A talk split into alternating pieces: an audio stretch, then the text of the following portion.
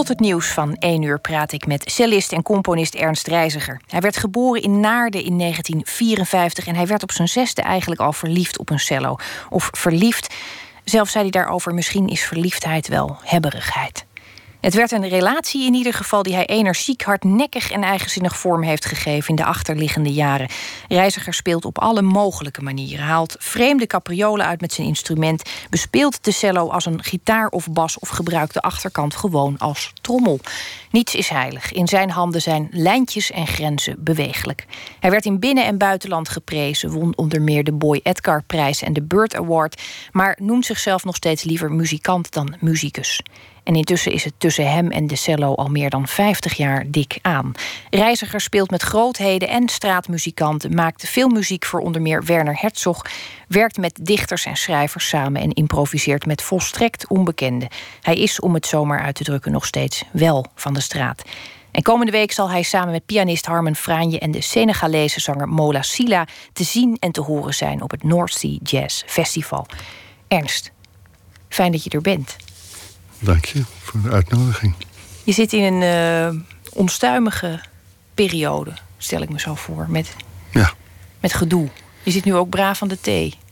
Ja, ja dat, uh, dat is dan consequentie. Als ik het druk heb, dan, uh, dan zijn andere dranken te heftig. Wat ben je nu aan het doen op dit moment?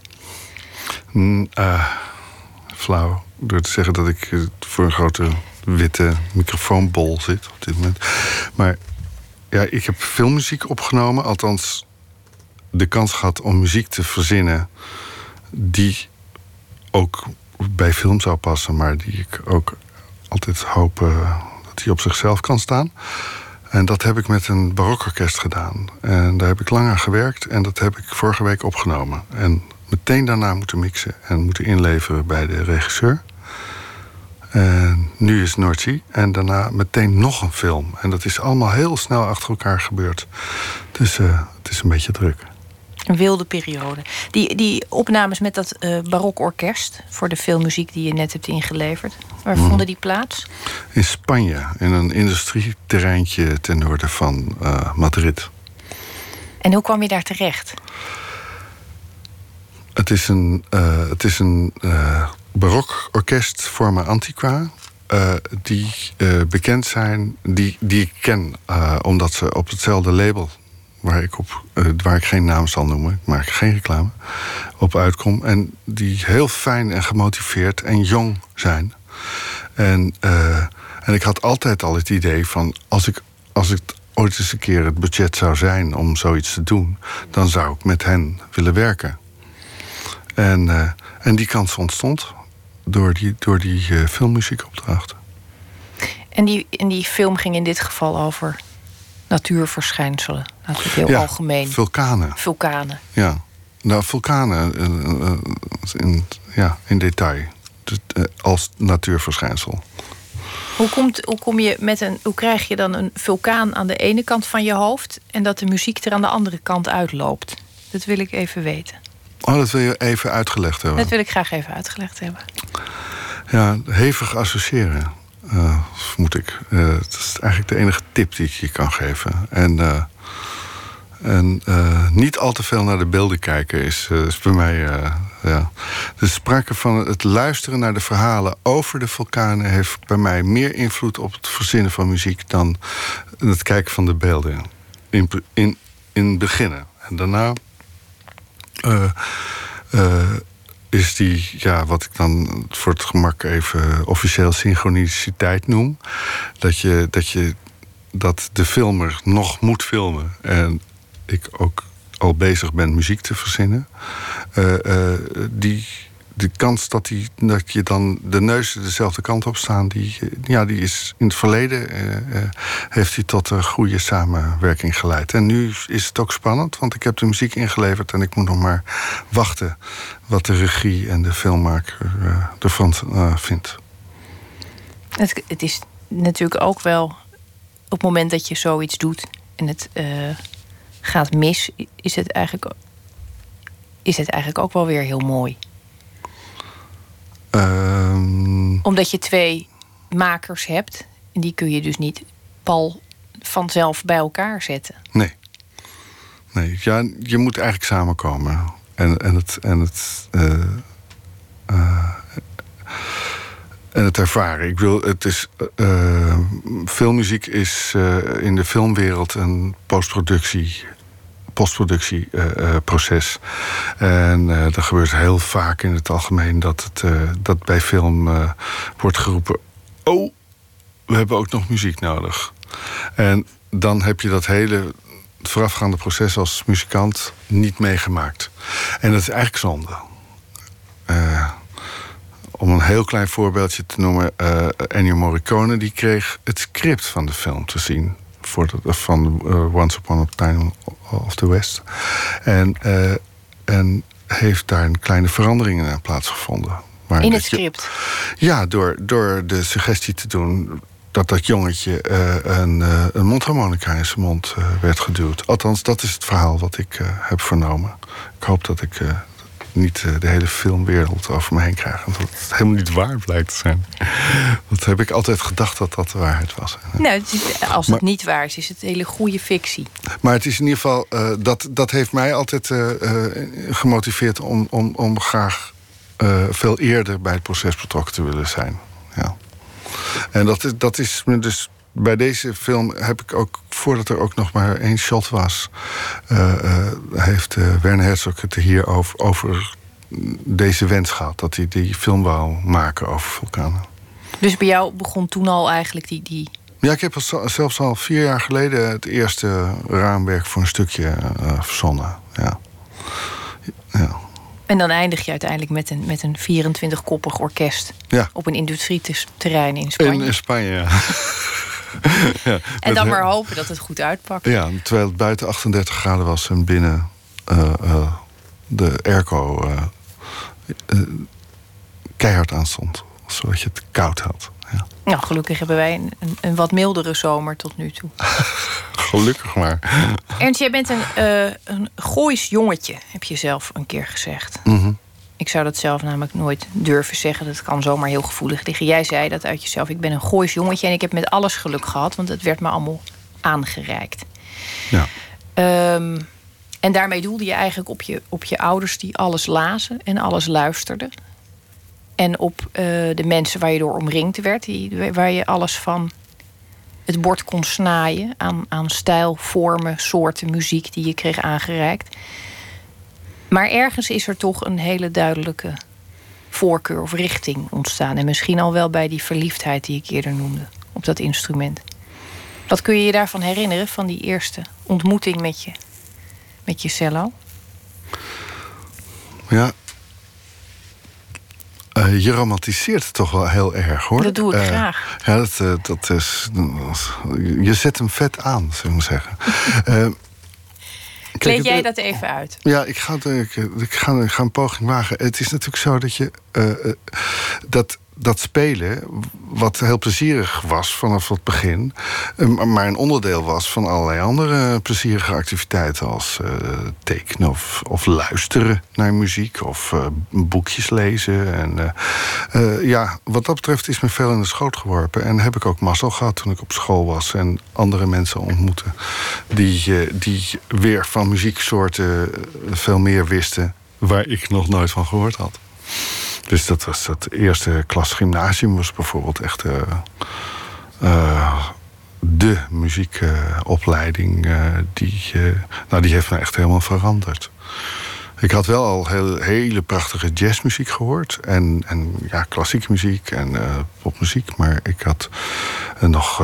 ik had dus echt Ligeti gehoord op de, die eerste klas gymnasium. En, en, uh, en hoe mensen samenspeelden uh, in jazzmuziek. Dus live uh, begon ik het al op mijn dertiende al dat soort dingen te, mee te maken. Ja, dat was prachtig. En, en bluesmuziek. En, ja, het werd al gauw een, een stylistische rotzooi in mijn hoofd, zullen we maar zeggen. Ja. Rijkdom. Ja, dus dus als je, als je het dan hebt over, over uh, uh, dat, je rijkdom, ja, maar dat kom je natuurlijk niet achter. Dus het gaat uh, je, eerst ben je overweldigd door de hoeveelheid informatie en voel je jezelf eigenlijk zo'n ongelooflijk minkukeltje. Wat eigenlijk ook heel goed was. maar dus, dus die, die, dat romantische, die, die liefdesverklaring aan de cello, die, die, dat, die zat er eigenlijk helemaal niet. Die ontstond doordat je, wat, doordat je hem steeds uh, beter vasthoudt. En dat, dat heet dan oefenen en zo. Dat je, ja. Uh, dus doordat je steeds meer mogelijkheden ziet. En daar, daar ging wel tijd overheen. Maar het proces was ook al fijn. Ja, ik speelde zelfs blokfluit, vond ik leuk. Dat heb ik tot mijn zestiende nog gedaan. Ja, echt. ja, een slecht voorbeeld. Nou, ik vind het helemaal niet erg dat je tot je zestiende blokfluit hebt gespeeld... en dat je dat gewoon ook uh, vertelt. Vind ik echt mooi. Nou, ik heb nu ook muziek voor blokfluitisten geschreven. Ook voor Erik Bosgraaf. En uh, die is ja, kampioen blokfluitist. En ik heb er ook weer vier ongelooflijk goede blokfluitisten... die eigenlijk het, ja, nou, de dwarsfluit en uh, piccolo... en overname in dat barokorkest. had ik vier blokfluiten. En dat, daar heb ik hele vrij ingewikkelde dingen voor geschreven. Ze speelden het allemaal weg. Ze hadden het allemaal goed voorbereid. En, en dat klonk meesterlijk. Ja, dus ik heb nog steeds iets met, over romantiek gesproken. Ik heb nog steeds iets met die blokfluit, kennelijk. Het is natuurlijk heel flauw om, om, om dat te zeggen ook. Het is, het is inderdaad, het is natuurlijk heel dik aangezet dat je weer verliefd wordt op een instrument. En toch, toch, je had een broer die speelde trompet volgens mij, als ik het me goed kan herinneren. Wauw. Je moeder speelde piano. Ja. Je had ook een ander. Het, het, is, het had ieder instrument kunnen worden. Die blokfluit heb je ook nog vrij lang daarnaast gehad. Dus in, inderdaad, daar, daar kunnen we het eigenlijk mm. al zien dat die liefde voor die cello was toch niet geheel exclusief. Je, je had er nog een fluit naast. Exact. Maar wat is, wat is die cello? Is het de veelzijdigheid ervan? die bij jou paste? Of is het een ander aspect wat ik misschien niet zo makkelijk kan benoemen? Nou, het is wel, de cello is echt wel mijn persoonlijke keus geweest. De blokfluit werd me aangereikt. En uh, bleek ik plezier in te hebben. En de cello mocht ik kiezen. En die, die heb ik heel bewust gekozen. Dat klopt. Dat, dat wel. En, uh, dus, uh, maar de vraag was... De vraag was... Ja, de vraag was eigenlijk wat het, wat het is in dat instrument dat je aantrok. Maar dat, dat, weet je misschien pas als ja, dat, dat komt nu. Ja, dat kan, je nu, dat kan je nu allemaal leuk gaan benoemen. Of proberen. Maar dat wist je toen natuurlijk helemaal niet. Nee, helemaal niet. Dat ging stukje voor stukje. Ik had een leraar die... En daar kwam ik pas later achter. Jan Olivier. Die, uh, ja, die aan het eind van de les... Uh, altijd een stukje voor mij speelde. En ik kwam er pas later achter dat hij dat... dat hij eigenlijk alleen nog maar eens voor mij speelde. Hij speelde helemaal niet meer. Hij speelde het voor niemand niet. Maar alleen voor mij, dat heb ik, pas, heb ik ook jaren later pas uitgevonden. En voor mij was dat iets waar ik me op verheugde. Want hij speelde prachtig. Dus uh, over hoe je iets aangereikt wordt. En, en, en uh, ja, dat is inspirerend. Was voor mij heel fijn. Ik bedoel, dat wou ik dus ook. Ik wou proberen ehm, ja, de, die controle op dat instrument te hebben... zodat het ongeveer zo klonk als hij speelde. Dus dat was heel, abstract. Het ging niet over repertoire. En ik had wel eens iemand aan de overkant van de straat... die speelde ook cello, die, waar ik mee op dezelfde school zat. En uh, die kwam ik, dan moest ik de oude Rijksweg oversteken. En dan kwam ik hem wel tegen. zat hij me op te wachten. was een jongen die was ietsje ouder dan ik. En die zei: Waar ben jij? En dat ging dan over het etudeboek. En dan zeg ik: Nou, ik moet de etude die en die. Oh, dat is nummer 16. Ja, die heb ik al lang gehad. Ben je nog wel eens teruggegaan? Kijken of hij er nog woont en dan even aanbellen? Nou, hij, uh, ik, wat, ik, wat ik van hem weet, van die jongen, weet dat hij op een gegeven moment uh, uh, beweerde dat de Messias de, de, zou komen op een bepaalde datum. En dus ja, dat is toch iets heel anders. Vermoedelijk is hij opgehaald. Dat... Ja, hij is. of door de Messias, of door Messias, ja. andere ja, reddingswerkers. Die kunnen landen. Andere reddingswerkers, ja. Nee, dat is het enige wat ik... Dat, ja. nee, nee, wat dat betreft slok die, die stellen me zo op... dat ik uh, uh, dat allemaal niet volg. Wat, hoe, dat, hoe dat met hem gegaan is. Nee, je kan heel veel vergeven en vergeten met zo'n instrument. Ja. We gaan een stukje luisteren, stel ik voor. En dan, ehm, dan moet je er straks misschien maar iets over zeggen. De Benti gaan we een. Het is een stuk van Harme Fraaien. Wat ik heel erg fijn vind altijd.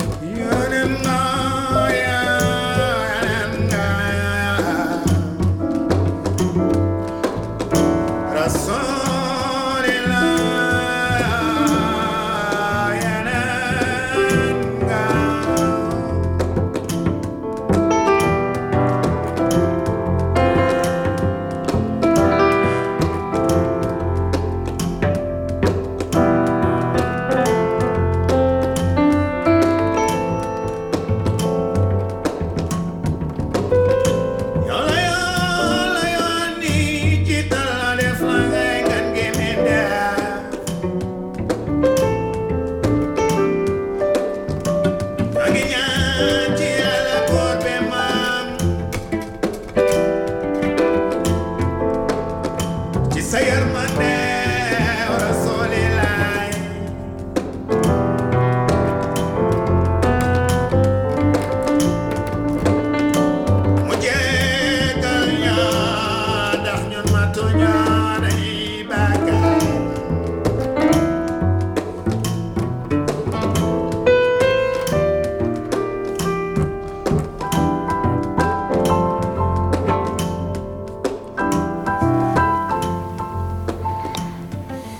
Ernst Reiziger. Je zei, toen we gingen luisteren, zei je op een gegeven moment: dit is een loop. Dit gaat eigenlijk hmm. eeuwig door, dit stuk. Ja.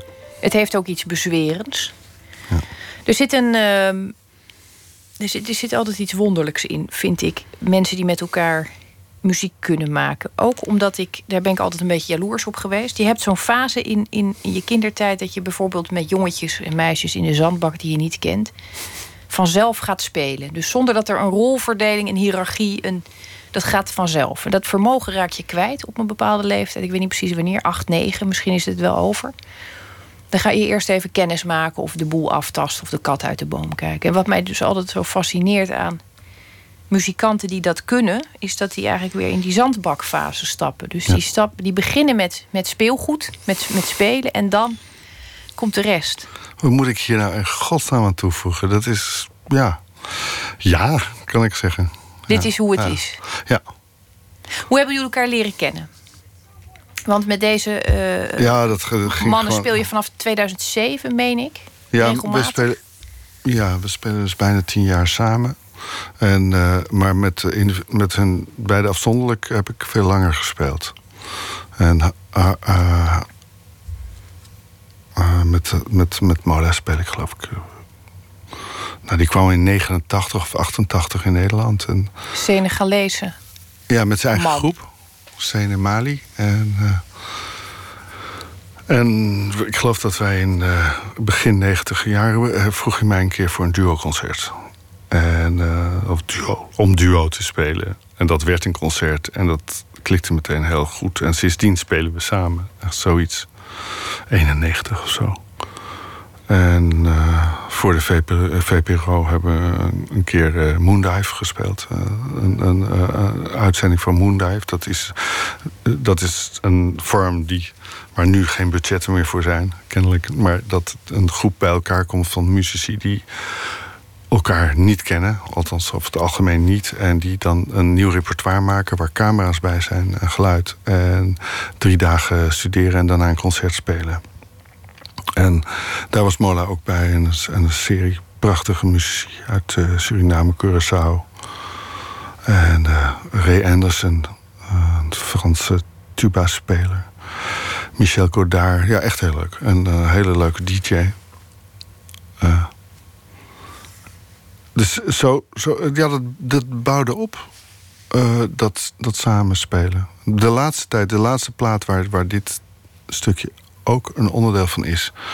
En dan heb je de eerste CD gemaakt. En, die, uh, en dan komt dus, uh, nou, dan zou je kunnen zeggen, dan zou het writers block moeten komen. Maar dan komt jouw zandbakverhaal terug. En Harmony heeft uh, twee kindjes, een tweeling. En wij hadden een afspraak om een plaatje te gaan opnemen. Ergens, ja, ik noem maar maart. Dus wij moesten nieuw repertoire maken. Maar we hadden al zoveel plezier met het repertoire wat we al hadden. Dat speelden we zelf met veel plezier nog. Maar ja, op een plaat, op een nieuwe plaat, moet iets anders staan. En nou, het enige soort window wat we hadden was op een ochtend tussen 9 en 12. Dat, dat hij zijn kinderen naar school had gebracht. om 12 uur moest hij ze weer afhalen. En Mola, die, uh, ja, die leeft eigenlijk een, een ander soort dagritme. Het is meer een nachtritme. En ja, dat was toch uh, allemaal oké. Ehm, hij, uh, hij zou ook komen. En nou, dat is in Eiburg woont hij. En daar heeft hij gewoon een kleine upright piano in zijn huisje staan. En, en, ik, en ik kom aanrijden en ik zie Molen aan het eind van de straat. Heel langzaam, heel, hij, hij loopt heel sloom. Zie ik hem aankomen lopen. Ook met zijn kleine extra instrumentjes. En, en we komen samen en we drinken een kopje thee. En om kwart voor twaalf hadden we acht stukken. ja, dat is eh, echt superleuk. Ja. Dat is die zang, jouw zandpakverhaal is beter hoor. Nee. korter ook vooral. ja. Dat vind ik dan niet per se nou, vind beter. Ik, ik vind alleen het beeld van zo'n man die op een, op een gematigd tempo aankomt lopen met instrumenten op zijn Ja. rug. De, ontzettend. Ja, heel sloom, echt prachtig. En hij is, hij is heel rustig, heel, heel langzaam. Hij kan ook overal in slaap vallen. Als, ook als het een beetje, als het een beetje saai wordt of zo.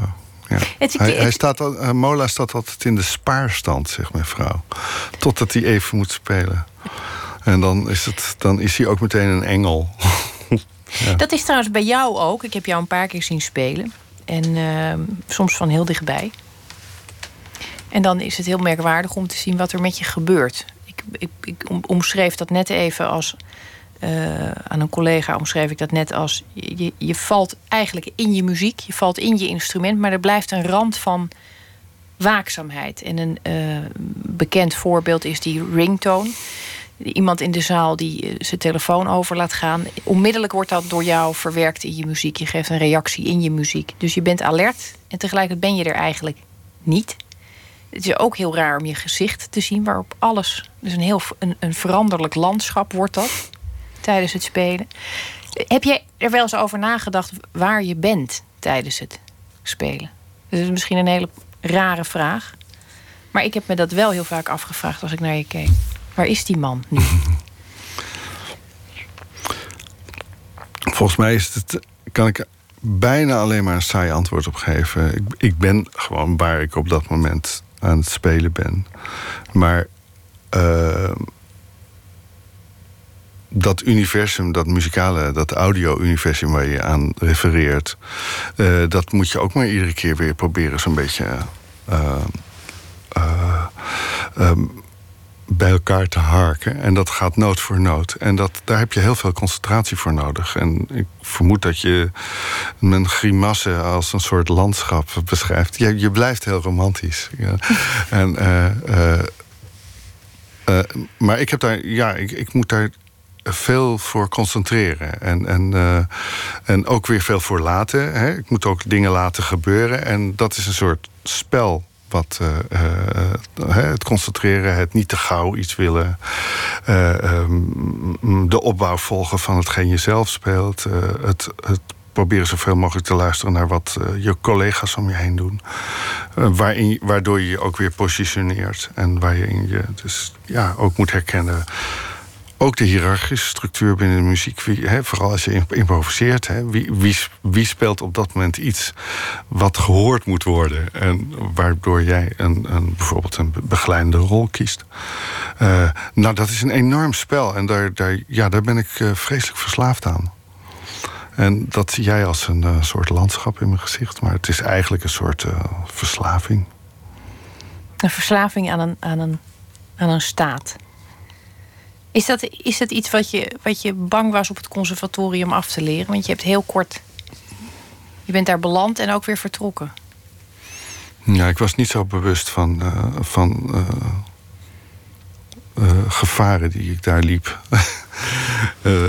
het, ik was erg naïef en ik heb daar eigenlijk een hele leuke tijd gehad. En ook hele goede muzikanten gehoord. En, en vooral de compositieafdeling. Guus Jansen zat er, Paul Thermos. Ik, dat Amsterdamse conservatorium. Ik heb het over 1973. en uh, mijn leraar die heeft me geadviseerd om weg te gaan. Want ik speelde, ik begon al heel gauw met, met ja, jazzachtige bandjes te spelen. En zelfs ook al een plaat te maken op mijn zestiende. En ik zat al op, in de vooropleiding op het conservatorium toen ik heel jong was. 16 geloof ik. En, en hij heeft me geadviseerd eigenlijk om dit niet te doen. Want hij, hij kon me eigenlijk alleen leren om, als ik heel erg hard zou werken, om een, of tot orkestmuzikus uh, opgeleid te worden binnen dat uh, ja, klassieke curriculum. En, en, uh, of een. Um, ja, als ik nog heel erg hard zou werken, dat ik dan een solist zou kunnen worden in, in datzelfde klassieke repertoire. En eventueel barokmuziek, waar hij een van de eerste uitvinders van is. Althans, exponenten, hoe noem je dat? Forschers. Hij heeft heel veel onderzoek gedaan en heel, uh, is bekend om zijn Bach-uitvoeringen, zijn suites. En Doeter heeft ook heeft echt prachtig gespeeld, Anna Baasma. En, maar hij speelde als mens heel inspirerend. En het was meestelijk om hem plezier in het muziekmaken zien te hebben en hoe hij werkte. En, en hij heeft me toch geadviseerd: ga nou weg, dan komen we elkaar later tegen. En dat gebeurde ook. Dat, in 1991 in, in uh, Montreal was ik een soort artist in residence voor een, een festival van Sally, notabene. En daar bleek hij ook te spelen. En we speelden zelfs de concert dezelfde avond. En dat was heel leuk. Sindsdien zijn we bevriend. Dus, maar ik ben dus niet uh, mij van. Ik ben me van geen gevaar bewust in, in de conservatoria. Ik, ik ben daar gewoon eigenlijk uh, door de, de visie van mijn oude leraar ben ik eigenlijk uh, weggestuurd. En dat, is, dat was echt hoogstwaarschijnlijk een heel goede beslissing van hem. Het is toch uiteindelijk moeten we constateren redelijk goed met je afgelopen tot nu toe? Nou ja, ik, ik ben altijd jaloers hoor. Op, uh, op mensen die dingen kunnen die ik niet kan op dat instrument. Hoor. Ernst Reiziger, dank je wel dat je er was. En ik wens je een heel mooi weekend met North Sea Jazz. Dank je wel. Voor wie het niet wist, Nooit meer slapen is ook de podcast. En hoe dat moet leest u op onze website vpro.nl slash nooit slapen. Straks gaan we verder met het tweede uur en dan spreken we Erik-Jan Harmens over het nieuws van de voorbije dag. En we hebben een slotaflevering in de serie Is er leven na de dans? Wat doe je als je moet stoppen? Dat en meer na het nieuws van 1 uur.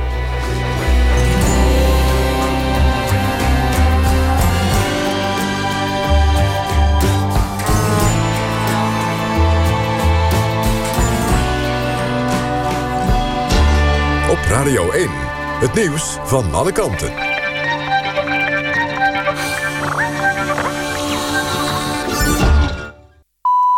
1 uur, Kirsten Klomp met het NOS-journaal.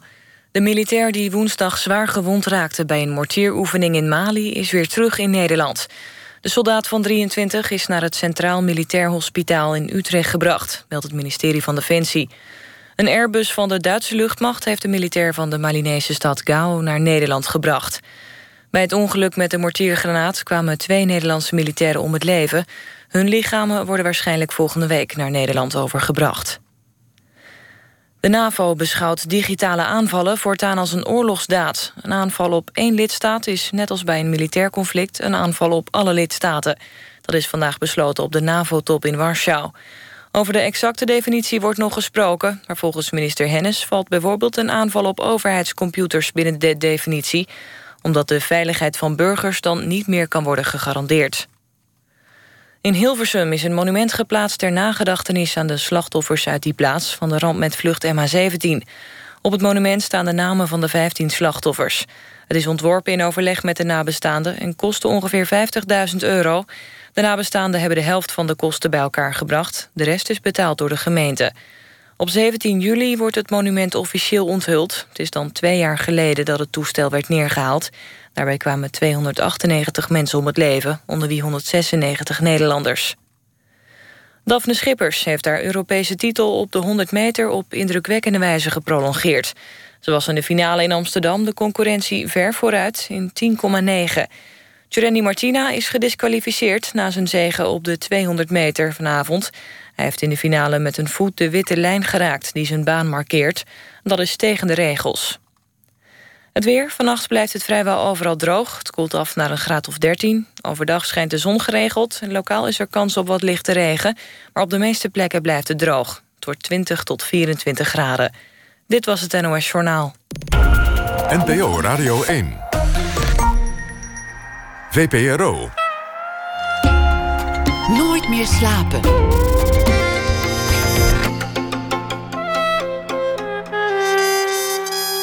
Met Esther Naomi Perquin. Welkom terug bij Nooit meer slapen. 87 jaar is hij inmiddels, historicus Herman W. von der Dunk. Maar hij is nog altijd zeer productief. En straks spreken we hem over zijn boek De Wereld als Getal. En daarin gaat het over het getal als basis voor besluitvorming. Want welke waarheid wordt daarmee eigenlijk verduisterd? En in de Toendra-documentaire De List gaat het over een vrouw die probeert los te komen van haar familie zonder de band te willen verbreken. Maar hoe doe je dat precies?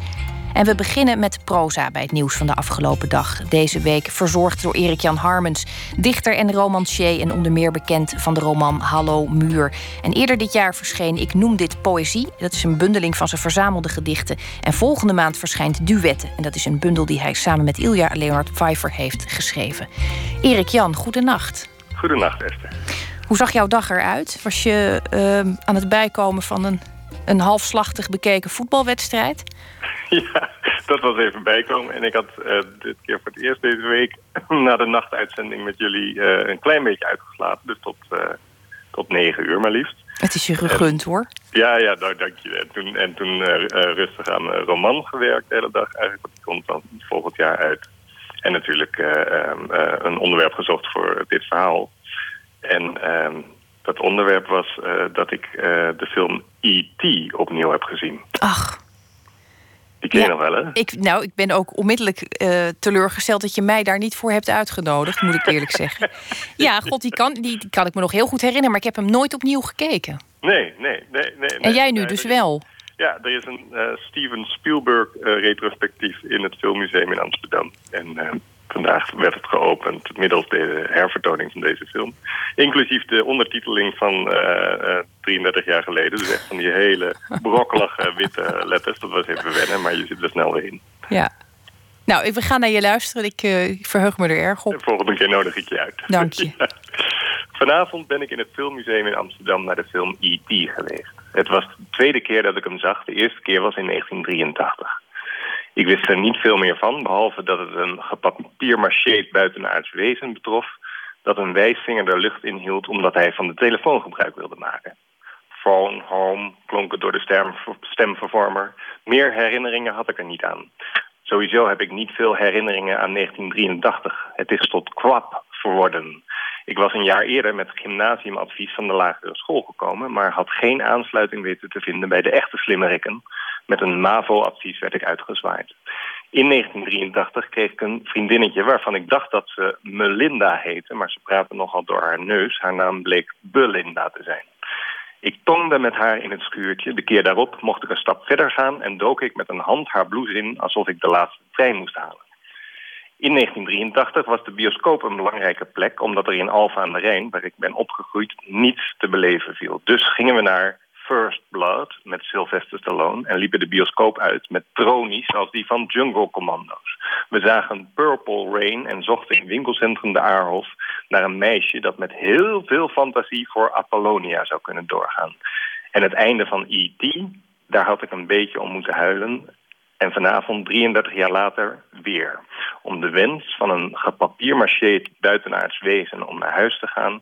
en om mijn eigen terugverlangen naar wat achter me ligt nooit meer vormen. Nou, Erik Jan, ik, dit maakt veel goed, moet ik eerlijk zeggen. ja, dan, dan, dan slaakt die popcorn met jou op de bank wel even over om, om dit dan te mogen beluisteren. Ja, uiteindelijk zijn we natuurlijk ook, uh, en dat, dat heb je weer heel mooi uh, suggestief weergegeven. Uiteindelijk zijn we natuurlijk ook uit, ons, uit onze leeftijd, uit onze tijd geworpen. Als ja. waren wij uh, gepapiermarcheerde buitenaardse wezens uit een UVO. Ja. We kunnen nooit meer terug. We kunnen nooit meer terug, maar, maar wel heel even twee uur lang in zo'n bioscoopzaal. Nou, het, het, toch? En ik, ik dacht echt, ik ga, ik ga niet volschieten. En echt, het gebeurt het toch. Ik vind het uh, prachtig. Ik zou het ook hebben. En ik weet zeker dat uh, Melinda, mocht ze luisteren... daar ook weer opnieuw last van heeft.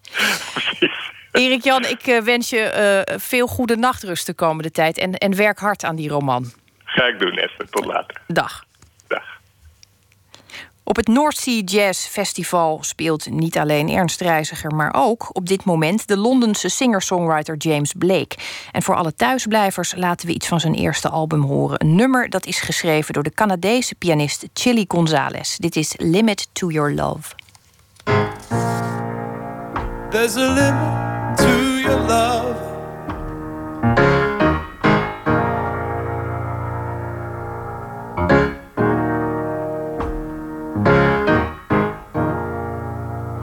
Like a waterfall in slow motion.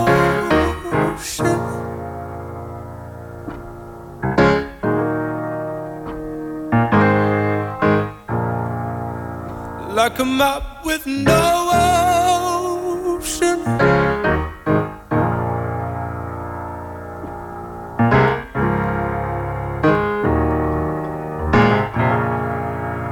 There's a limit to your love, your love, your love.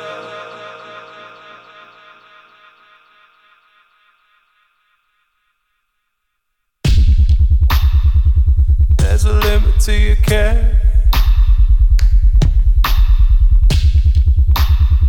So carelessly there. Is it truth or dare?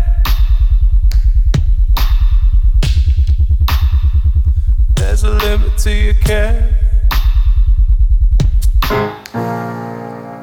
There's a limit to your love. Like a waterfall in slow motion. Like a map with no ocean. There's a limit to your love your love, your love, your love. There's a limit to your care. So carelessly there. Is it truth or dare?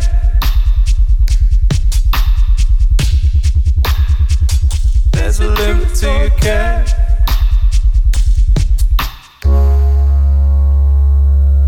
There's a limit to your care.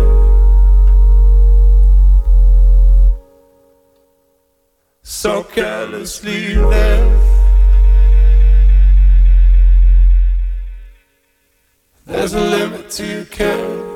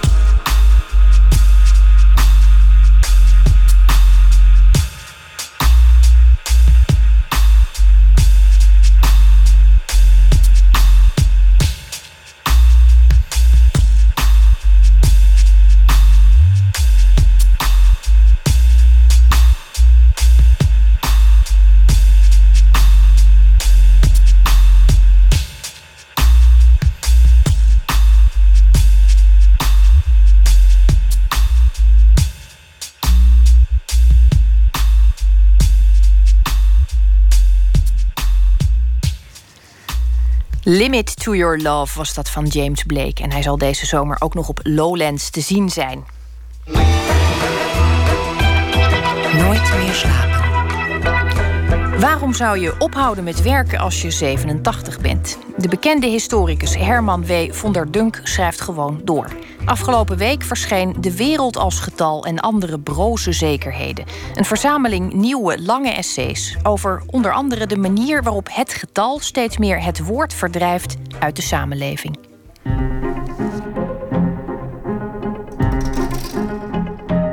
Toen ik jong was, schreef ik achter elkaar door in een grote vaart. Als je oud bent, alles gaat langzamer en je hebt niet meer zo die, die dynamiek.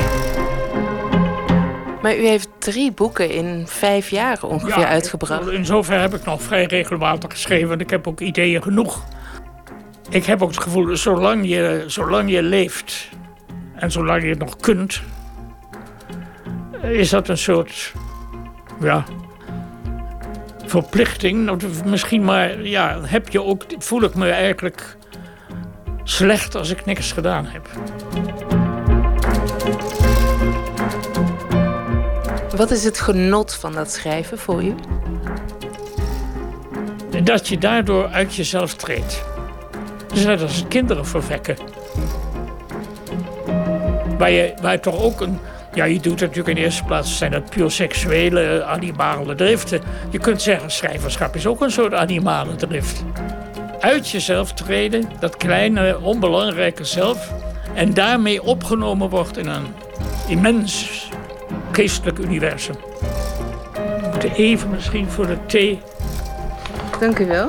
De vrouw van Herman van der Dunk serveert de thee. Met spritskoeken. We zitten in zijn werkkamer van het huis waar hij al zo lang woont. In een lommerrijke buurt van Beeldhoven. Buiten is de tuinman aan de slag.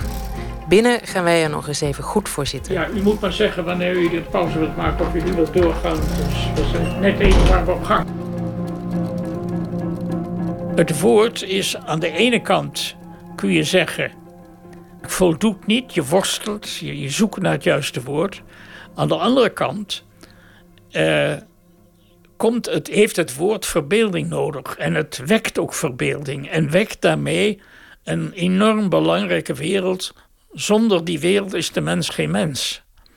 Wij leven natuurlijk voor een heel groot deel, voor een veel groter deel van het denken uh, ook in de, in de verbeelding. Wat wij ons verbeelden is ook realiteit. Het woord is datgene wat mensen in beweging brengt.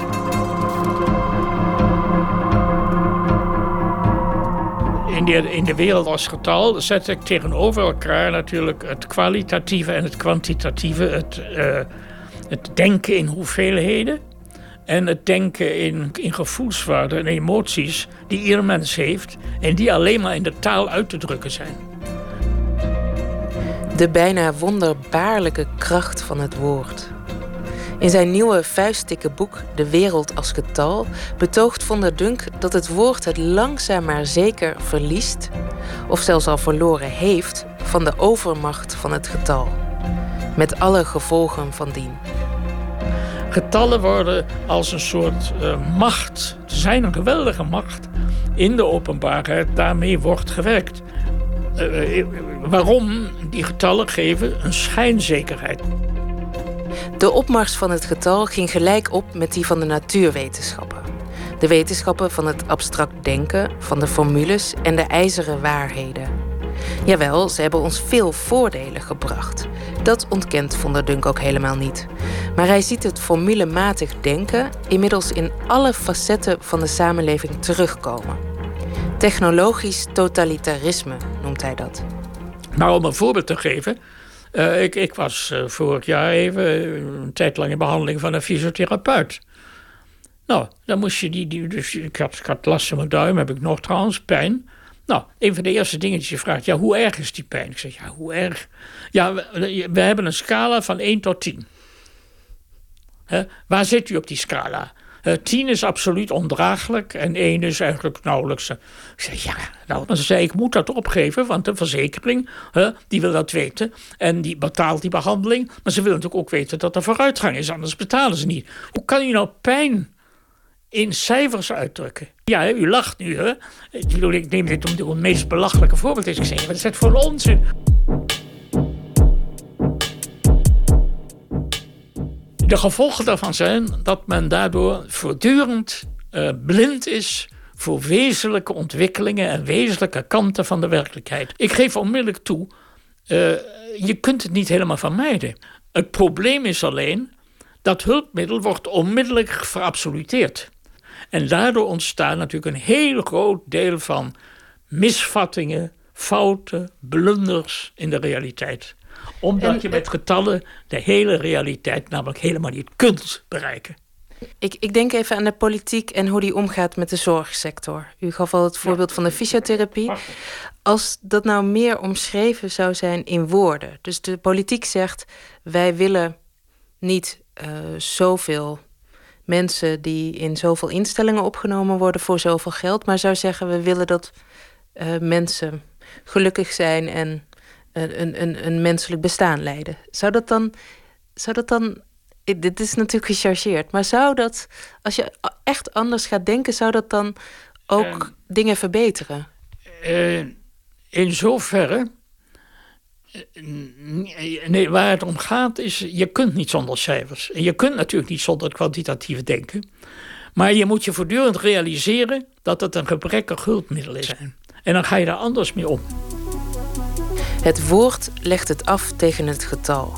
En dat wordt nog verergerd, volgens Von der Dunk, door wat hij noemt taalinflatie. Kort, indrukwekkend, prikkelend. Vandaar ook dat het vermogen tot lange meanderende zinnen, waar allerlei affectieve gevoelskwesties, dingen die, die ieder mens wel aanvoelt, maar die zich niet direct in een, in één of twee woorden laten zeggen, waardoor die meegegeven worden, waardoor een atmosfeer ontstaat. Dat allemaal valt onder de tafel. Waar u zo van houdt eigenlijk. Wat zei Waar u zo van houdt, van die meanderende zinnen. Ja, men vindt, men vindt, ik heb wel eens meer gehoord dat ik er zo van hou van die meanderende zinnen. Moet u als 19e eeuw schrijver, de eerste schrijvers, die leest niemand meer. Of natuurlijk in een, misschien een, verkorte uitgave voor, voor de mensen van 2016, dat weet ik niet. Maar dat, dat dingen... Ehm, snel, puntig, to the point. To the point. Um, dat hele begrip to the point.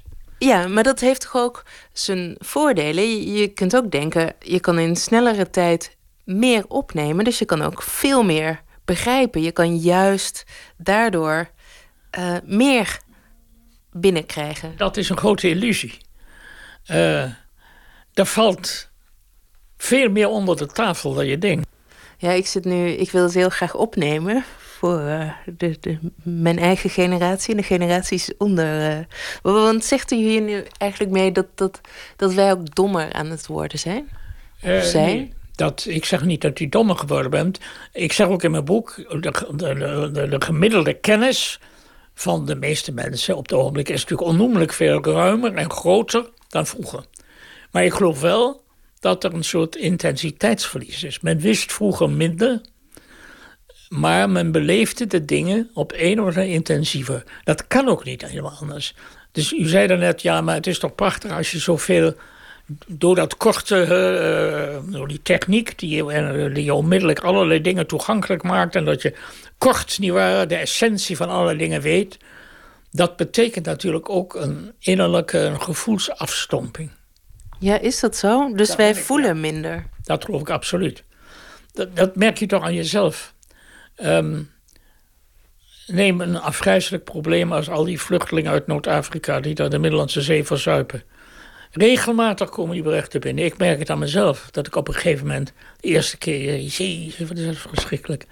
Maar als je dat maanden achter elkaar telkens weer krijgt, dan. Dat is een soort zelfbescherming. Maar vroeger wist je het niet eens. Je wist natuurlijk een heleboel niet wat je nu weet. Maar datgene wat je wel wist, Daarvan was de beleving wat was, was minder, maar de beleving was intensiever. Maar meneer Von der Dunk, wat moeten wij nu dan? Want we kunnen die ontwikkeling niet stoppen. Die, dat, dat is zo. Dus, uh, nee, en nu? Ik, ik, ik, geef ook geen recepten. Ik constateer dit. uh, ik constateer dit en ik constateer dat um, door die enorme overschatting van het getal als ik nou dus even heel centraal naar die hoofdthese kom, die e-, enorme overschatting van het getal en van kwantiteiten, dat daardoor toch een eenzijdig en vaak ook vreselijk oppervlakkig beeld van de realiteit ontstaat, dat zich dan wreekt. U beschrijft in uw boek ook meerdere malen dat uh, cultuurpessimisme iets van alle tijden is. En ook heel erg verklaarbaar. Toch wil ik u graag vragen: bent u eigenlijk een cultuurpessimist? Um, nou, ik ben op het ogenblik voor de ontwikkelingen, de gang zoals die nu neemt, ook in het Westen, ben ik bijzonder pessimistisch. Dat geef ik direct toe. Um, maar ik, ik geloof in de allereerste plaats in de kracht van het levensbeginsel. In alles. En ook in de mens. En dat in dat levensbeginsel toch ook een soort kompas is ingebouwd. Wat ons doet overleven. Alleen gebeurt dat pas vaak, zijn er vaak enorme spanningen en enorme catastrofes nodig om daar doorheen te breken. En inderdaad, in weer een nieuwe betere toestand of een toestand waarin die problemen verdwenen zijn, uh, om die te realiseren. Geloof dat het cultuurpessimisme en zeker cultuurkritiek een onmisbare functie heeft als waarschuwing en als signaal. en op die manier ook de tegenkrachten misschien weer wakker maakt.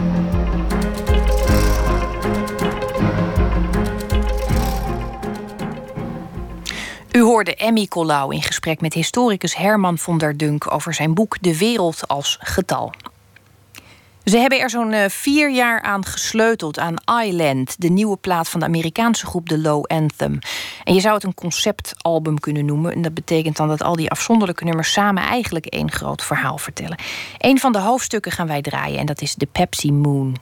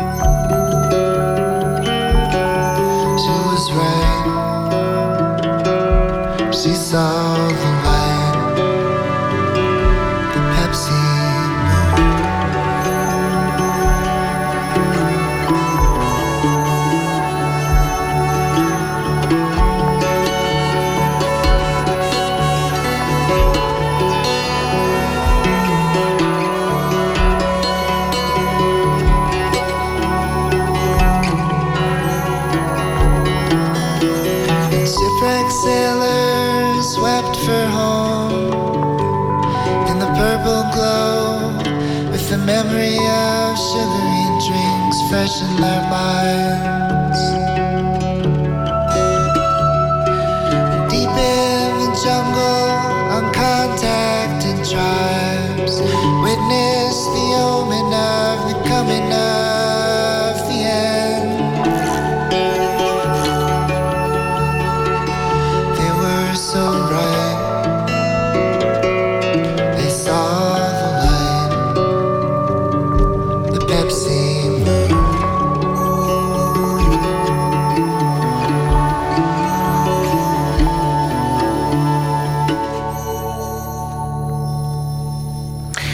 Komen uit Providence, Rhode Island. De Low Anthem was dat met Pepsi Moon. En het is tijd nu voor Toendra, onze reeks korte, opmerkelijke verhalen over hoe mensen omgaan met de obstakels die zoal op hun pad komen. En ditmaal over een vrouw die probeert los te komen van haar traditionele familie, maar zonder de band volkomen te verbreken. Hoe je dat doet? In babystapjes. Luistert u naar De List, een verhaal gemaakt door Tjitske Musche.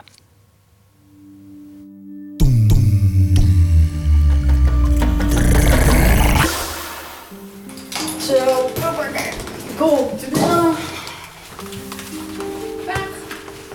Zal ik mijn schoenen uitdoen? Ja, graag.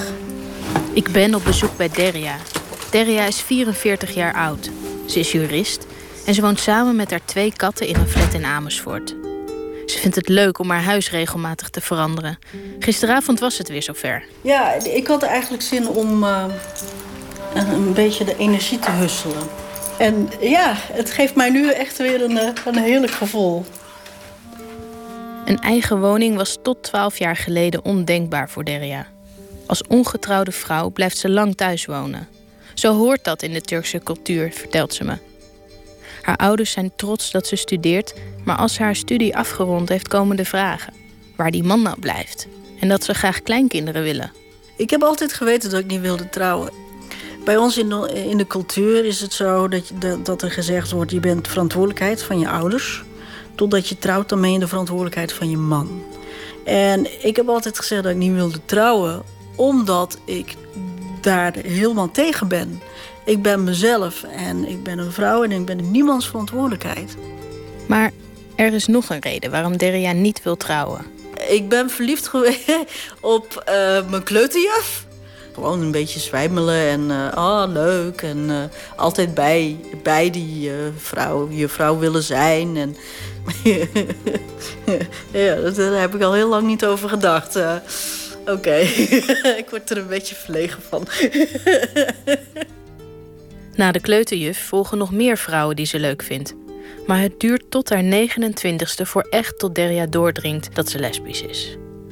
En vanaf dat moment wil Deria de wereld in. Vrouwen ontmoeten, verliefd worden. Maar in de Turkse cultuur ligt dat niet zo gemakkelijk. Ze vertelt me over een boek waar zij mee heeft gewerkt. Ik ben Turkse en ik ben lesbisch, heet dat. Daarin lees ik het verhaal van Burcu, die door haar moeder met een mes bedreigd werd toen ze vertelde dat ze op vrouwen viel. En van Esra, die moest onderduiken voor haar familie. Deria besluit het haar ouders niet te vertellen. Maar er moet wel iets veranderen in haar leven. Ze denkt bij zichzelf: Ik kan nou twee dingen doen. Ik kan of wel bij mijn ouders blijven en mezelf onderdrukken, of ik kan uit huis gaan en mijn eigen leven gaan leiden. En toen heb ik een list bedacht. Deria moet haar ouders overtuigen dat het nodig is om te verhuizen. En daarom zoekt ze een baan ver weg. Op zich, mijn nieuwe werk was drie kwartier verderop met de auto. En dat is op zich goed te doen. Ik bedoel, er zijn mensen die anderhalf uur reizen, maar dat hoefden zij niet te weten. Uh, wat ik gedaan heb, is eigenlijk extra vroeg uit huis gaan. Uit, uh, naar werk gaan. Als ik klaar was met werk, dan ging ik nog ergens bij de Mac of wat dan ook uh, een bakje doen. En, en vertrok ik dan zogenaamd heel laat van werk, omdat ik ja, een beetje de smoesje van ja, files en lastig en oh, wat ben ik moe. Het werkt. Deria's ouders zien dat ze oververmoeid raakt van de lange dagen. Het is tijd voor stap 2. Als haar ouders voor een jaarlijkse vakantie naar Turkije zijn, gaat ze op huizenjacht. Ik dacht, nou ja, als zij precies weten waar ik mee bezig ben, dan is de kans er dat ze het vliegtuig instappen om mij te gaan tegenhouden of zo. Dus wat deed ik? Ik vertelde hen wel eerlijk waar ik mee bezig was, maar altijd een stap eerder dan, dan waar ik mee, echt mee bezig was. Dus op het moment dat ik zei dat ik aan het zoeken was, was ik eigenlijk al aan het bezichtigen. Op het moment dat ik uh, aan het bieden was, was ik voor hen in hun ogen pas aan het uh, bezichtigen. En uh, alles was geregeld en uiteindelijk heb ik dus gezegd: ja, ik heb nu een huis gekocht. En dan komt de verhuizing. Ook die gaat stap voor stap. Ik heb gewoon wat spullen die ik belangrijk vond alvast wel oververhuisd. En toen zij terug waren uit Turkije, heb ik de rest rustig aan oververhuisd. Zodat ze dat ook een beetje mee konden maken. En het wonen heb ik dan ook bij mijn ouders thuis heb ik het rustig aan afgebouwd. Dat ik in eerste instantie nog zes dagen in de week daar was. En één dag in mijn nieuwe woning. En dan steeds minder, vijf dagen, vier dagen. En uiteindelijk definitief over verhuizen. Derja kan haar geluk niet op. S'avonds eet ze Chinees of Mexicaans in plaats van altijd maar het Turkse menu.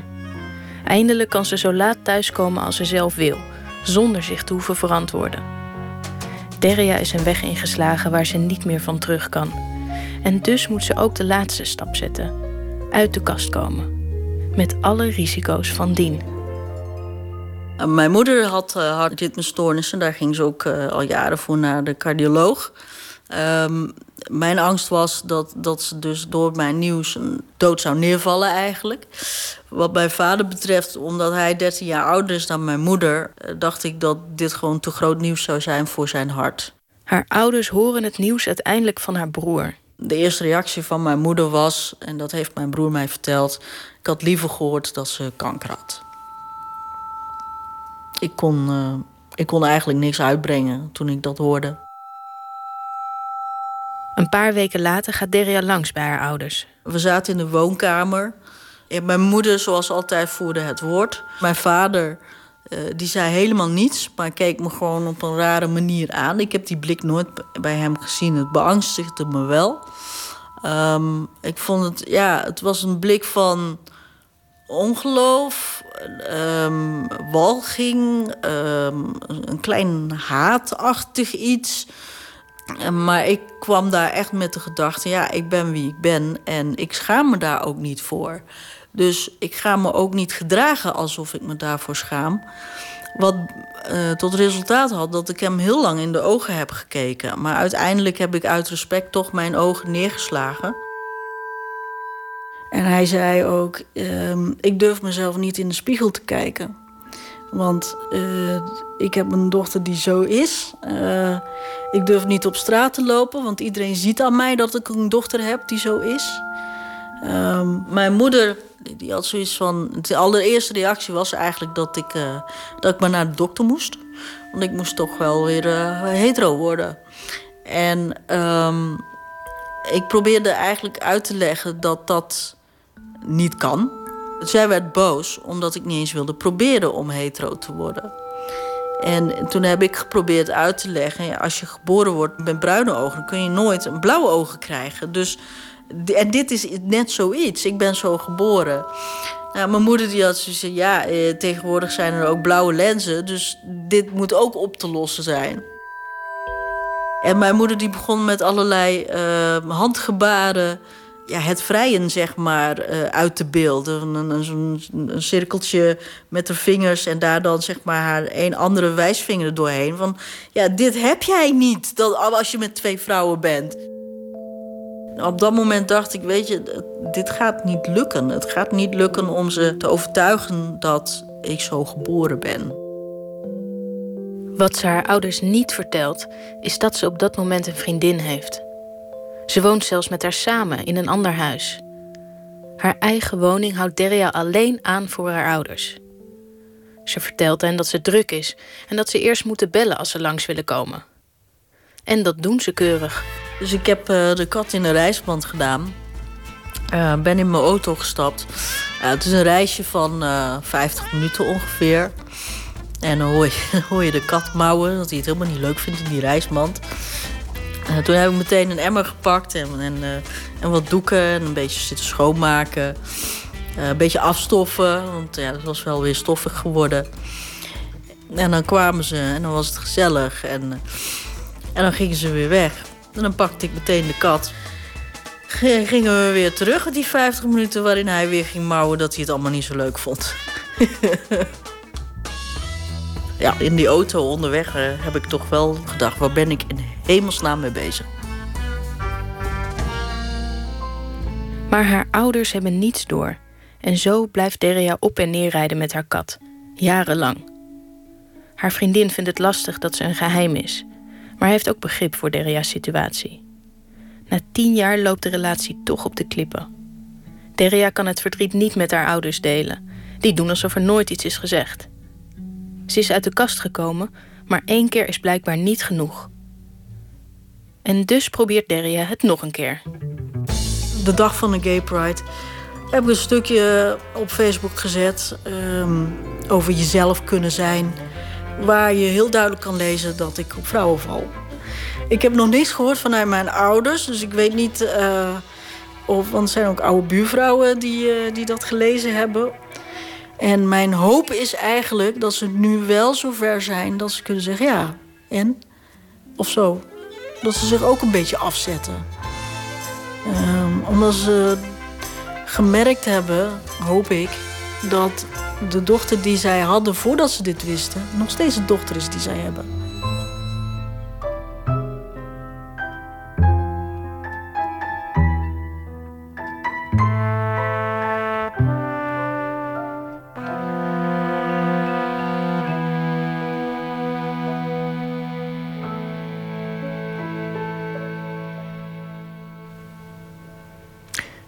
Hoorde De List, een verhaal gemaakt door Tjitske Musche. En Toendra werd eerder uitgezonden in Radio Doc... en werd mede mogelijk gemaakt door het Mediafonds. Con Brio is een funkband uit San Francisco. En ze hebben zich vernoemd naar een Italiaanse term... die je het best kunt vertalen als met vuur. Morgen, zaterdag dus, staan zij op het North Sea Jazz Festival. Hier hoort u ze met het nummer Can't Get Enough.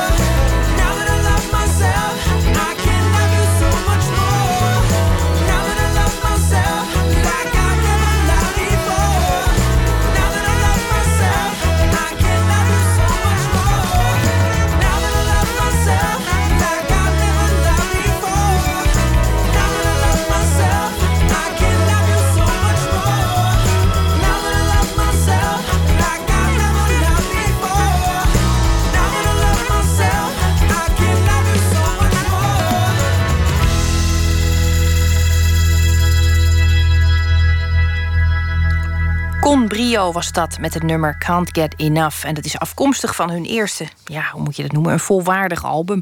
Paradise heet dat album. Nooit meer slapen. Terwijl de meeste Nederlanders steeds langer doorwerken, moeten dansers rond hun dertigste toch wel stoppen. Is er leven na de dans? In deze eerste juli Dansweek spreken we iedere dag met een voormalig danser. En als laatste in deze reek Karin Lambrechtse. Ze stopte op haar 33ste als danser bij Introdans. En deze week verscheen er een kookboek van haar hand.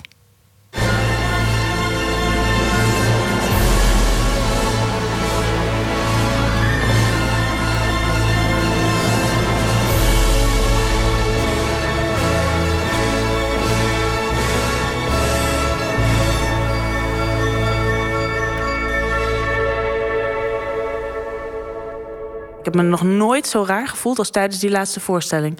Je hoort wel eens dat mensen zeggen brok in mijn keel en maag voelt raar en zo. Maar dat had ik. Toen besefte ik, oh ja, zo, zo voelt dat dus. Zo raar.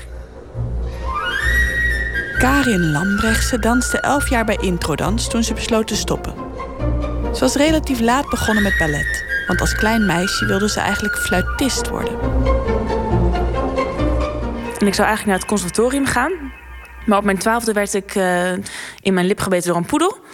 Dus ja, dat was einde carrière eigenlijk, einde verhaal. Ik kon niet meer goed dwarsluiten, want de hele fine-tuning is gewoon weg. Toen ben ik een beetje de jazz-turnwereld ingedoken... en twee keer Nederlands kampioen geworden. En toen zag ik op een gegeven moment een voorstelling in Leeuwarden... van Duende Dans tot Water. En dat raakte me zo. Ik vond het zo mooi. Ik zag dat en ik dacht, dat wil ik doen. Dus toen ben ik op mijn zestiende begonnen met ballet. Dat is eigenlijk veel te laat. De meeste ballerina's of dansers zijn toch wel wat jonger begonnen. Maar ze maakte een inhaalslag, volgde de dansacademie en werd meteen aangenomen bij het befaamde dansgezelschap Introdans. Ja, het is een droombaan. Het was voor mij die elf jaar lang eigenlijk altijd elke dag een ontdekkingsreis. Van wat kan ik, wat leer ik, wat zie ik. Dans is voor mij, ja, je laat je ego los. Je bent compleet, leef je in het moment. En het is ja, prachtig, heel erg van genoten. Ja. Drie jaar geleden stopte ze op haar zelfbenoemde hoogtepunt. Ja, ik was me er altijd wel van bewust dat dans niet voor eeuwig zou zijn. Ja, op een gegeven moment merkte ik dat we een jaar hadden waarin we zulke mooie stukken deden. Dat het voor mij echt voelde van dit is het. En ik wilde altijd al wel stoppen op de top. En niet af te takelen op het toneel. Dat zou me echt vreselijk, leek me echt vreselijk. Dus ja, ik had echt het idee op dat moment van dit is het hoogtepunt. Omdat je qua techniek kan je altijd groeien. En dans kan altijd beter en mooier en meer. Maar op dat moment had ik echt het gevoel, ja, dit is wel qua uh, stukken van choreografen, voor mijn eigen uh, fysieke mogelijkheden, echt wel wat ik kan, mijn max. Het is een beroep wat je met passie moet uitvoeren, waar je echt voor de volle 100% achter moet staan. En ja, het was gewoon goed zo. Het was echt een heel duidelijk gevoel. En toen ben ik gestopt. De laatste voorstelling was voor mij, ja, dat is een heel bijzonder moment. Maar ook een moment waar je wel tenminste waar ik heel bewust naartoe heb geleefd en ook heb, bewust heb meegemaakt. Het voelde wel heel raar, gewoon mijn lijf voelde raar. Heel veel spanning op de een of andere manier. Maar toen ik gelukkig eenmaal op het toneel stond, viel dat allemaal van me af. Ja, daarna gefeest tot laat in de nacht en de dag daarna op vakantie gegaan. Als je dan terugkomt en iedereen begint weer met de repetities en, en dan denk je, oh ja, nu doe ik niet meer mee. Dat is heel raar. Ja. Ja, je beweegt gewoon van 10 tot 5 of 10 tot 12 met voorstellingen erbij. En toen in één keer deed ik dat niet meer. Dus ik ben wel naar de sportschool gegaan, maar dat is natuurlijk heel droog. Dan sta je aan een partij gewicht te trekken. Nou, dat is echt zonder enige emotie bewijzen van. Maar ook interessant en ik vond het heel leuk om mezelf weer helemaal opnieuw vorm te geven. Want je gaat naar een nieuwe studie, een nieuwe stad, nieuwe mensen om je heen. Die hebben geen idee wie je bent en dat is ook helemaal niet erg. Maar ik kon mezelf ook weer helemaal opnieuw ontdekken. Ze koos voor een studie voeding en diëtiek. Ik wilde heel graag iets met voeding doen. Omdat ik merkte dat voeding voor mij als danser altijd heel erg belangrijk is geweest. En omdat ik uh, meer uit de sportkant kom, daar is voeding echt een onderdeel van je carrière. Dus er wordt alles omheen gebouwd om jou op dat moment optimaal te laten presteren. En bij dans was dat totaal niet zo. Er werd nooit iets echt over voeding verteld aan ons, of voorlichting. En dat miste ik. En toen ik stopte, dacht ik, ja, daar wil ik echt, uh, ja, daar wil ik wel iets mee. Ja, dat we allemaal een blaadje sla eten en dat is het. Maar gelukkig is dat, valt dat reuze mee. Ja, je lijf heeft energie nodig, dus ze eten absoluut wel. Ja. Maar sommigen eten gewoon al jarenlang minder. Met het gevolg dat er allerlei tekorten zijn ontstaan in het lichaam. Waar je niet altijd bewust van bent, maar die er wel zijn. En waardoor je blessuregevoeliger bent. Bijvoorbeeld nu dat ik studeer, weet ik zoveel andere dingen. En als ik dat toen had geweten, had ik het alsnog weer anders gedaan. Juist dansers zijn heel geschikt voor een tweede carrière, vindt ze. Ik denk dat dansers heel erg ehm, eh, echte doorzetters zijn. Dus je hebt be- bepaalde karaktereigenschappen die je eh, in andere carrières ook ontzettend kunnen ondersteunen. Ehm, dat je creatief bent, doorzettingsvermogen, maar ook ehm, gevoelig voor je omgeving. Dus je, je samenwerkingsdingen ben je natuurlijk heel erg gewend eh, om in te spelen op andere mensen. Ja, het harde leven ken je ook. concurrentiestrijd, dat soort dingen. Dus ja, ik denk dat dansers daar ehm, voor veel werkgevers een hele mooie aanvulling op zijn. Om in, in een bedrijf of op wat voor manier dan ook. Omdat ze heel flexibel zijn, letterlijk en figuurlijk. Ja.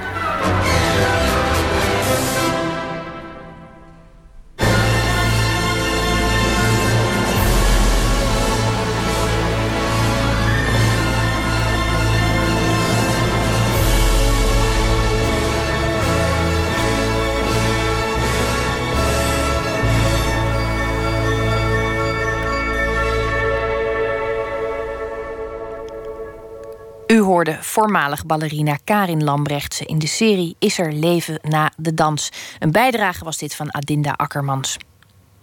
Met het album Build a Rocket Boys trad de Bitse band Elbow definitief toe tot de hedendaagse rockaristocratie. En dat na twintig jaar ploeteren. In een garage waarschijnlijk tussen oude dozen en stoffige dingen. Nou, van dat album wat daaruit tevoorschijn is gekomen draaien we Lippy Kids.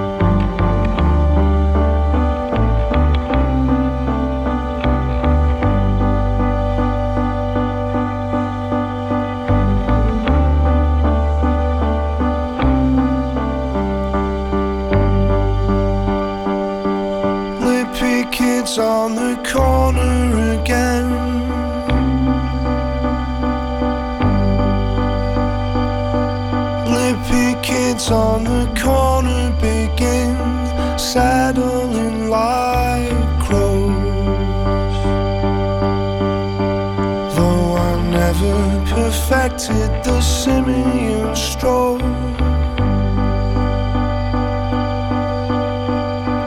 The cigarettes and it was everything then.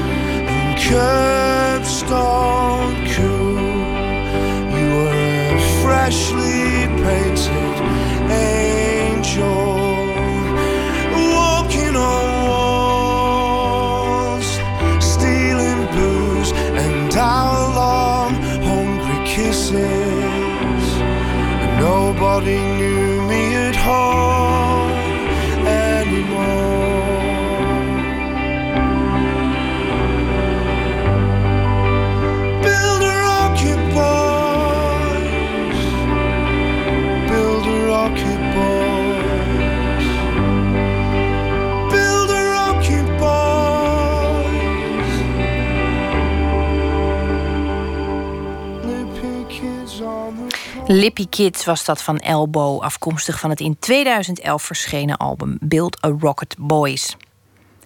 De gedichten die u deze week aan het eind van onze uitzending hoort, zijn uitgekozen door dichteres en gezondheidszorgpsychologe Anne van Amstel. Het kan dus blijkbaar prima samengaan dat je de ene dag een gedicht schrijft en de andere dag een mens helpt. Ze debuteerde in 2004 met de bundel Het Oog van de Storm en haar laatste bundel verscheen eerder dit jaar en heeft de titel Geef me nu, ik wil. Dat laatste gedicht in de reeks is eh, van eigen hand en het is getiteld Durf. Anne van Amstel ligt de keuze toe.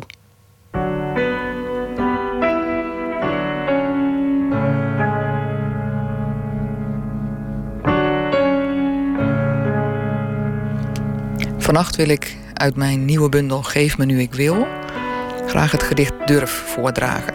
De gedichten in deze cyclus zijn allemaal geformuleerd in de vorm van een verzoek, een smeekbede, een gebed. Dit gedicht werd geïnspireerd door het ooievaarsnest in het Vondelpark, waar ik op weg naar mijn werk altijd langs fiets en waar ook nu weer een uh, ooievaarsstelletje is neergestreken met een jonkie. Durf. Geef me een moederkoekoek, want ik wil leren wat durf is. Eentje die het broedsel uit een ooievaarsnest kiepert en mijn ei erin vlijt. Geef dat het klopt. Hechting bij vogels is instant. Laat ze me warm houden, de bek vol stouwen, over de rand duwen, maar bovenal help me klepperen. 24-7 doen de stelten voor hoe het moet. Geen zacht goegoe, maar verdragend klepper de klep. Slapeloze omwonenden opperen afschieten. Geef dat een boos comité protesteert, werkloze vrijwilligers patrouille lopen, tot ik mijn migrantenouders nakijk op hun trek en me hier blijvend vestig. Ik heb al een nest op het oog. Ik heb al een nest op het oog. Anne van Amstel was dat met het gedicht Durf. En volgende week hoort u de favoriete gedichten van dichter Daan Zeijen. We hebben nog tijd voor muziek van Sabrina Stark, een van de talentvolle soulzangeressen die Nederland rijk is. En morgen is zij, ook zij, weer te zien op North Jazz. En u hoort haar hier met het nummer Next Man.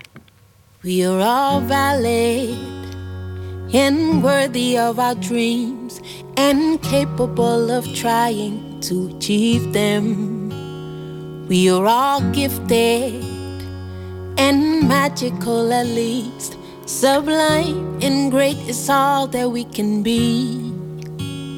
We are all beautiful individuals, and now it's a unique identity. In search for more loving, deeper meaning, in that bigger cause we all hope to believe in. Sometimes it's hard to understand. Truth and mystery go hand in hand. We all search for love, burdens and pains. You're the same as the next man, as the next man, as the next man. We make excuses, we set aside our dreams even though we can be anything. We think we're not worthy. We all seek happiness, and in between we're lost and confused. We can be sinners, not of judgment. Won't look deeper than the human eye can see. Know that the universe is here to provide love, and that's one thing that you should take notice of. Sometimes it's hard to understand. Truth and mystery go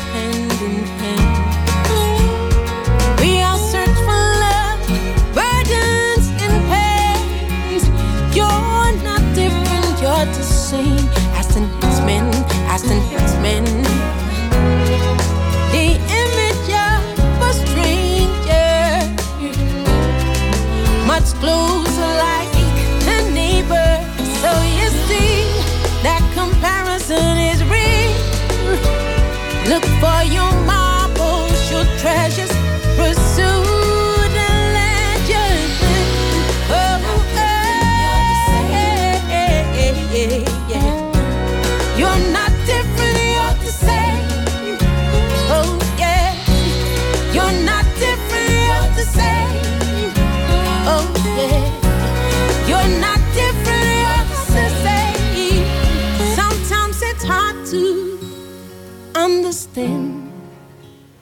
U hoorde de Rotterdamse zangeres Sabrina Stark met Next Man.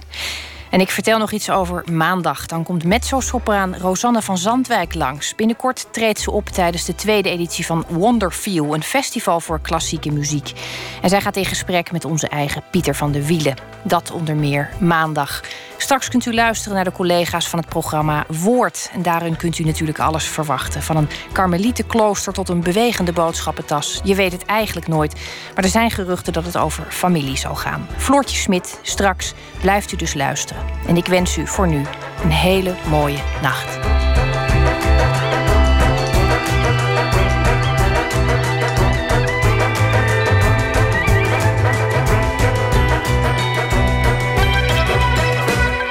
Op Radio 1, het nieuws van alle kanten.